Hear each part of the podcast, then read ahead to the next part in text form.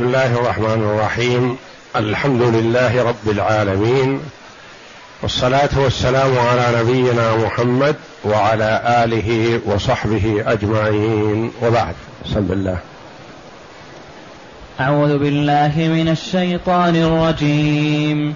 بسم الله الرحمن الرحيم. الشيطان يعدكم الفقر ويأمركم بالفحشاء والله يعدكم مغفرة منه وفضلا والله واسع عليم. يؤتي الحكمة من يشاء ومن يؤت الحكمة فقد أوتي خيرا كثيرا وما يذكر إلا أولو الألباب. هاتان الآيتان الكريمتان من سورة البقرة جاءتا بعد قوله جل وعلا يا أيها الذين آمنوا أنفقوا من طيبات ما كسبتم ومما أخرجنا لكم من الأرض ولا تيمموا الخبيث منه تنفقون. ولا تيمموا الخبيث منه تنفقون ولستم بآخذيه إلا أن تغمضوا فيه. واعلموا أن الله غني حميد. الشيطان يعدكم الفقر ويأمركم بالفحشاء. بعدما حث وأمر ورغب جل وعلا بالإنفاق من طيبات الكسب وحلاله وما هو مقبول وجيد في النفوس حذر جل وعلا من طاعة الشيطان. فالشيطان كما أخبر الله جل وعلا إن الشيطان لكم عدو فاتخذوه عدوا وهو الذي يأمر بكل فحشاء ومنكر وينهى عن كل معروف وطاعة ويخوف يخوف الإنسان من الفقر والحاجة ليبخل ويمنع الواجب قال جل وعلا الشيطان يعدكم الفقر ويأمركم بالفحشاء. الفحشاء قال بعض المفسرين في كل آية القرآن يراد بها الزنا إلا في هذه الآية فيراد بها المنع من الإنفاق في الطاعة.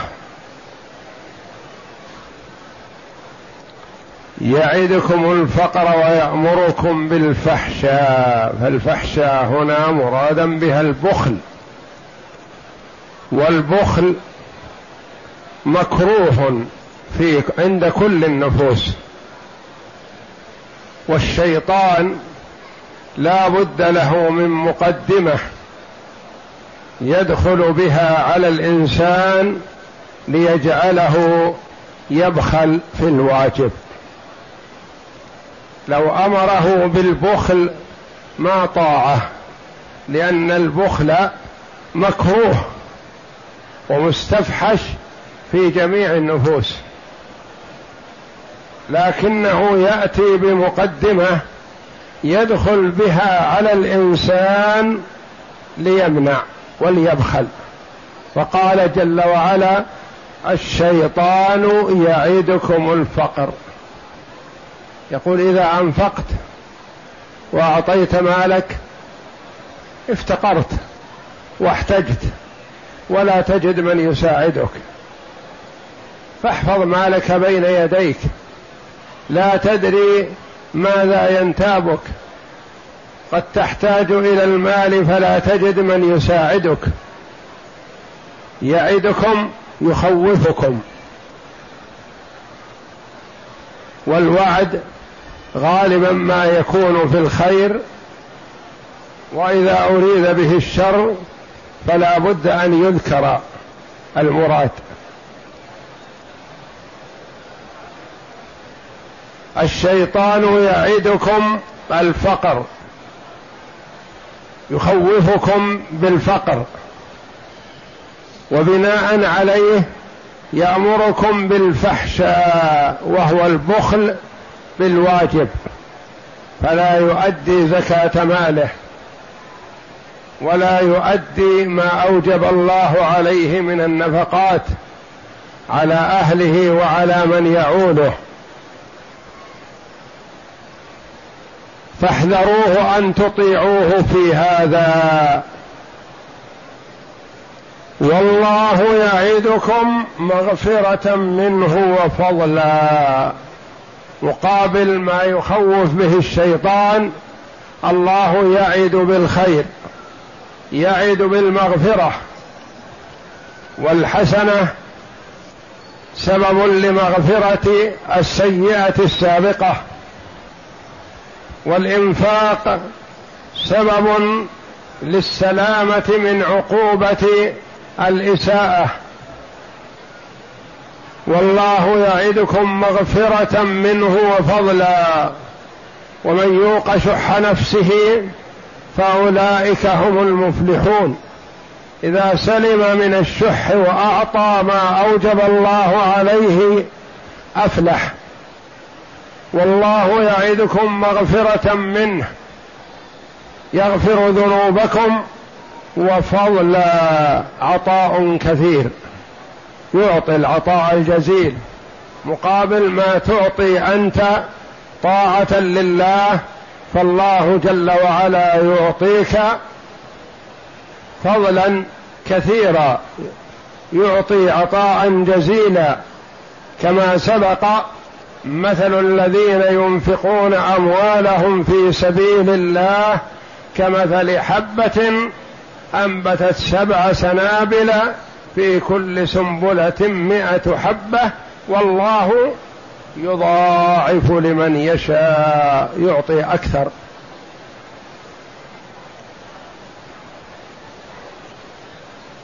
والله يعدكم مغفرة منه وفضلا فهو جل وعلا يعد بالخلف. وما أنفقتم من شيء فهو يخلفه. يعوضك الله جل وعلا ويعلم نفقتك ويعلم مقدارها ويعطيك اضعافا مضاعفة. ما من يوم يصبح فيه العباد إلا وملكان ينزلان لأن يقول أحدهما اللهم أعط منفقا خلفا ويقول الآخر أعط ممسكا تلفا. رواه الشيخان البخاري ومسلم رحمة الله عليهما. وما من عبد إلا ومعه من الملائكة من يأمره بالخير ويدعوه إليه. ومعه من الشياطين من يأمره بالشر ويدعوه إليه. فقد يوفق ويميل إلى ما يأمره به الملك فيسعد في الدنيا والآخرة. وقد يخذل ويترك ونفسه فيميل إلى ما يأمره به الشيطان فيخسر الدنيا والآخرة.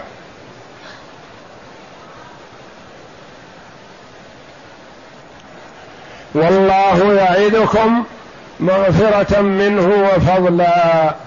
والله واسع عليم. ناسب بعد الأمر بعد الأمر بالإنفاق أن يذكر جل وعلا هذين الاسمين الجليلين له.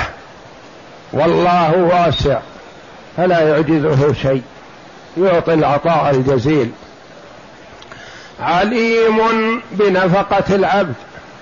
ما يقول العبد إنه أنفق نفقة لا يعلم عنها أحد؟ فهو يعلمها جل وعلا ومطلع عليها. ولا تخفى عليه خافية. وكلما كانت النفقة سرا فهو أحرى لقبولها ونفعها والتعويض عنها في الدنيا والآخرة. والله واسع يعطي العطاء الجزيل يسع خلقه جل وعلا بالعطاء ولا يعجزه شيء. عليم بنفقة عباده يعلم المنفق وغير المنفق يعلم من يعطي عن رغبة ويعلم من يعطي رياء وسمعة يعلم جل وعلا من يخلص له في العمل ويعلم من يعمل عملا لغير الله. والله واسع عليم. يعلم ما توسوس به نفسه. ولقد خلقنا الإنسان ونعلم ما توسوس به نفسه. ونحن أقرب إليه من حبل الوريد.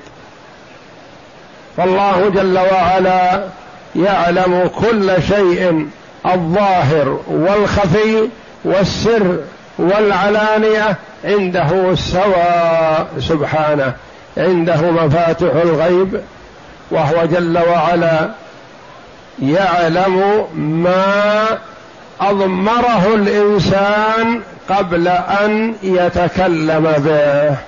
والله واسع عليم. اقرأ. وقول الله تعالى الشيطان يعدكم الفقر ويأمركم بالفحشاء. والله يعدكم مغفرة منه وفضلا. والله واسع عليم. قال ابن أبي حاتم عن عبد الله بن مسعود رضي الله عنه قال قال رسول الله صلى الله عليه وسلم إن للشيطان لمة بابن آدم وللملك لمة فأما لمة الشيطان فإعاد بالشر وتكذيب بالحق وأما لمة الملك فإعاد بالخير وتصديق بالحق فمن وجد ذلك فليعلم أنه من الله فليحمد الله ومن من وجد لمة الخير ولمة الملك فليحمد الله على ذلك. إذا وجد عنده الرغبة في الخير والقبول فيحمد الله على ذلك ويعلم أن هذا من لمة الملك الذي أرسله الله جل وعلا إليه. وإن وجد غير ذلك وجد رغبة في البخل في المنع في الإقتار فيما هو خلاف ذلك فليستعذ بالله من الشيطان الرجيم. نعم. ومن وجد الأخرى فليتعوذ من الشيطان. ثم قرأ الشيطان يعدكم الفقر ويأمركم بالفحشاء والله يعدكم مغفرة منه وفضلا الآية. ومعنى قوله تعالى الشيطان يعدكم الفقر أي يخوفكم الفقر لتمسكوا ما بأيديكم, ما بأيديكم فلا تنفقوه في مرضاة الله. ويأمركم بالفحشاء أي مع نهيه إياكم عن الإنفاق خشية الإملاق. يأمركم بالمعاصي والمآثم والمحارم مخالفة لأمر الله تعالى. قال تعالى والله يعدكم مغفرة منه أي في مقابل في مقابل مقابلة ما أمركم الشيطان بالفحشاء وفضلا أي في مقابلة ما خوفكم الشيطان من الفقر والله واسع عليم.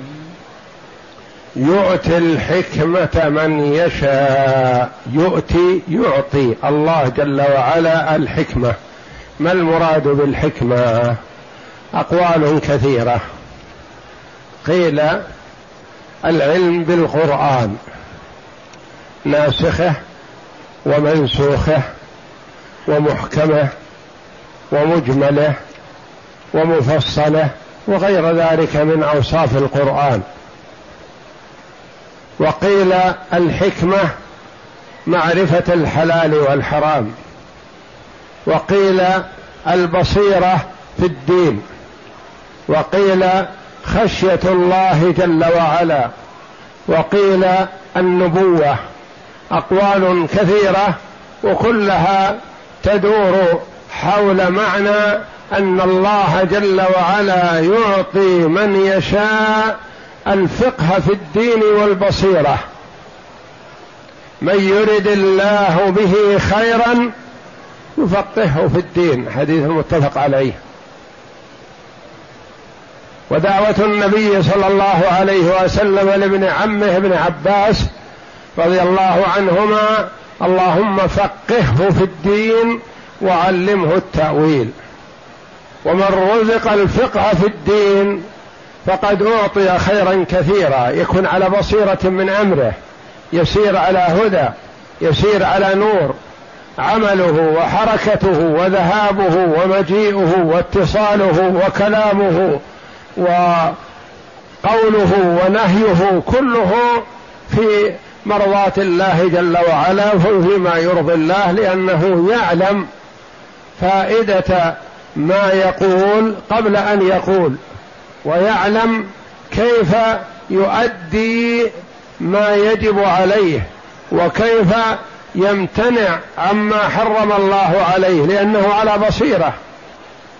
وكما قال الله جل وعلا قل هذه سبيلي أدعو إلى الله على بصيرة أنا ومن اتبعني.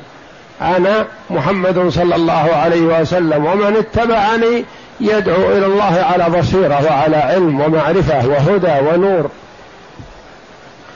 يؤتي الحكمة من يشاء فهو جل وعلا أقام الحجة على العباد كلهم. لكن منهم من وفقه الله جل وعلا وأعطاه البصيرة في الدين ومنهم من حرمه وخذله عدلا منه. ومن الناس من تجده بصيرا في أمور دنياه حاذق فيها لا يدخل عليه من أي مدخل لكنه في أمور دينه مقصر ومفرط وجاهل. ومن الناس من هو بالعكس تجده قاصر في أمور دنياه ويدخل عليه وعليه مآخذ فيها وتقصير لكنه في أمور دينه متقن لها مجيد لها يؤديها كما أمر. ومن الناس من يوفق للبصيرة في أمور دينه ودنياه ويستعين بدنياه على دينه. ويستعين بماله على ما أمره الله جل وعلا به فيكون محسن في أمور الدين والدنيا. وكما قال الله جل وعلا ومنهم من يقول ربنا آتنا في الدنيا حسنة وفي الآخرة حسنة وقنا عذاب النار. من العباد من يكون همه الدنيا فقط. ومنهم من يسأل الله الدنيا والآخرة. والله جل وعلا يعطي العطاء الجزيل. يؤتي الحكمة من يشاء. ومن أوتي ومن أعطي الحكمة ومن أعطيها فقد أعطي سعادة الدنيا والآخرة. ومن حرم الحكمة حرم خيرا كثيرا. يؤتي الحكمة من يشاء ومن يؤت الحكمة فقد أوتي خيرا كثيرا. يعني جمع سعادة الدنيا والآخرة لأنه استفاد من دنياه لآخرته. ومن كان همه دنياه فقد حرم الدنيا والآخرة لأن الدنيا مزرعة الآخرة. فإذا زرع فيها خيرا استفاد منها واستفاد من آخرته. وإذا لم يزرع فيها خيرا فقد حرم الفائدة منها. ومن يؤت الحكمة فقد أوتي خيرا كثيرا. والله جل وعلا العظيم الجليل يبين أن من أعطي الحكمة فقد أعطي خيرا كثيرا. وما يذكر وما يتذكر وما يتعظ وما يستفيد من المواعظ إلا أولو الألباب أولو أصحاب. الألباب العقول. وما يتذكر إلا أصحاب العقول السليمة الطيبة. السليمة تجاه مرضاة الله جل وعلا. فمن تذكر فهو عاقل لبيب. ومن لم يتذكر والعياذ بالله فهو جاهل. وكما قال ابن عباس رضي الله عنهما كل من عصى الله فهو جاهل لأنه لو لم يكن جاهل ما عصى الله لأن الله جل وعلا لا يستحق أن يعصى.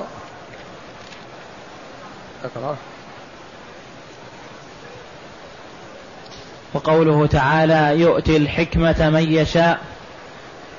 قال ابن عباس رضي الله عنه يعني المعرفة بالقرآن ناسخه ومنسوخه ومحكمه ومتشابهه ومقدمه ومؤخره وحلاله وحرامه وأمثاله. قال مجاهد رحمه الله الحكمة ليست بالنبوة ولكنه العلم والفقه والقرآن. وقال أبو العالية الحكمة خشية الله. فإن خشية الله. رأس الحكمة مخافة الله كما جاء. إذا كان العبد عنده خوف من الله جل وعلا فقد أعطي الحكمة. نعم. وقال أبو العالية الحكمة خشية الله فإن خشية الله رأس كل, كل حكمة. وقال أبو مالك الحكمة السنة. وقال زيد بن أسلم الحكمة العقل. وقال مالك وإنه ليقع في قلبي أن الحكمة هو الفقه في دين الله. وأمر يدخله في, في القلوب من رحمته وفضله ومما يبين ذلك أنك وكلها ترجع إلى البصيرة في دين الله جل وعلا وعبادة الله على بصيرة ومما يبين ذلك أنك تجد الرجل عاقلا في أمر الدنيا إذا نظر فيها وتجد آخر ضعيفا في أمر دنياه عالما بأمر دينه بصيرا به. يؤتيه الله إياه ويحرمه هذا فالحكمة الفقه في دين الله. وقال السدي الحكمة النبوة والصحيح أن الحكمة لا تختص بالنبوة بل هي أعم منها وأعلاها النبوة والرسالة أعلى. أنواع الحكمة النبوة.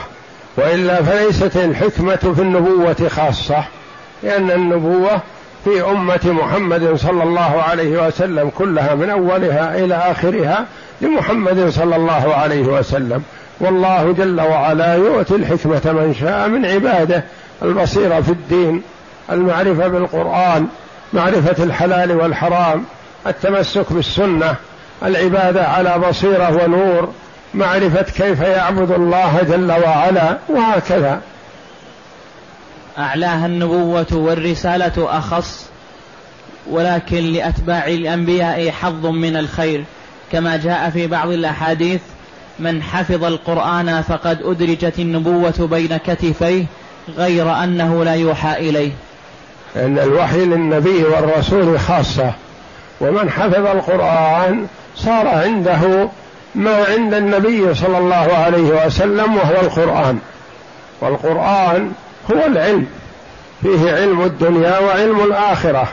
فيه سعادة الدنيا والآخرة. من جعله أمامه وفق في دنياه واخرته ومن جعله خلف ظهره والعياذ بالله زخ على قفاه إلى النار والعياذ بالله. والله أعلم. وصلى الله وسلم وبارك على عبد ورسول نبينا محمد وعلى آله وصحبه أجمعين.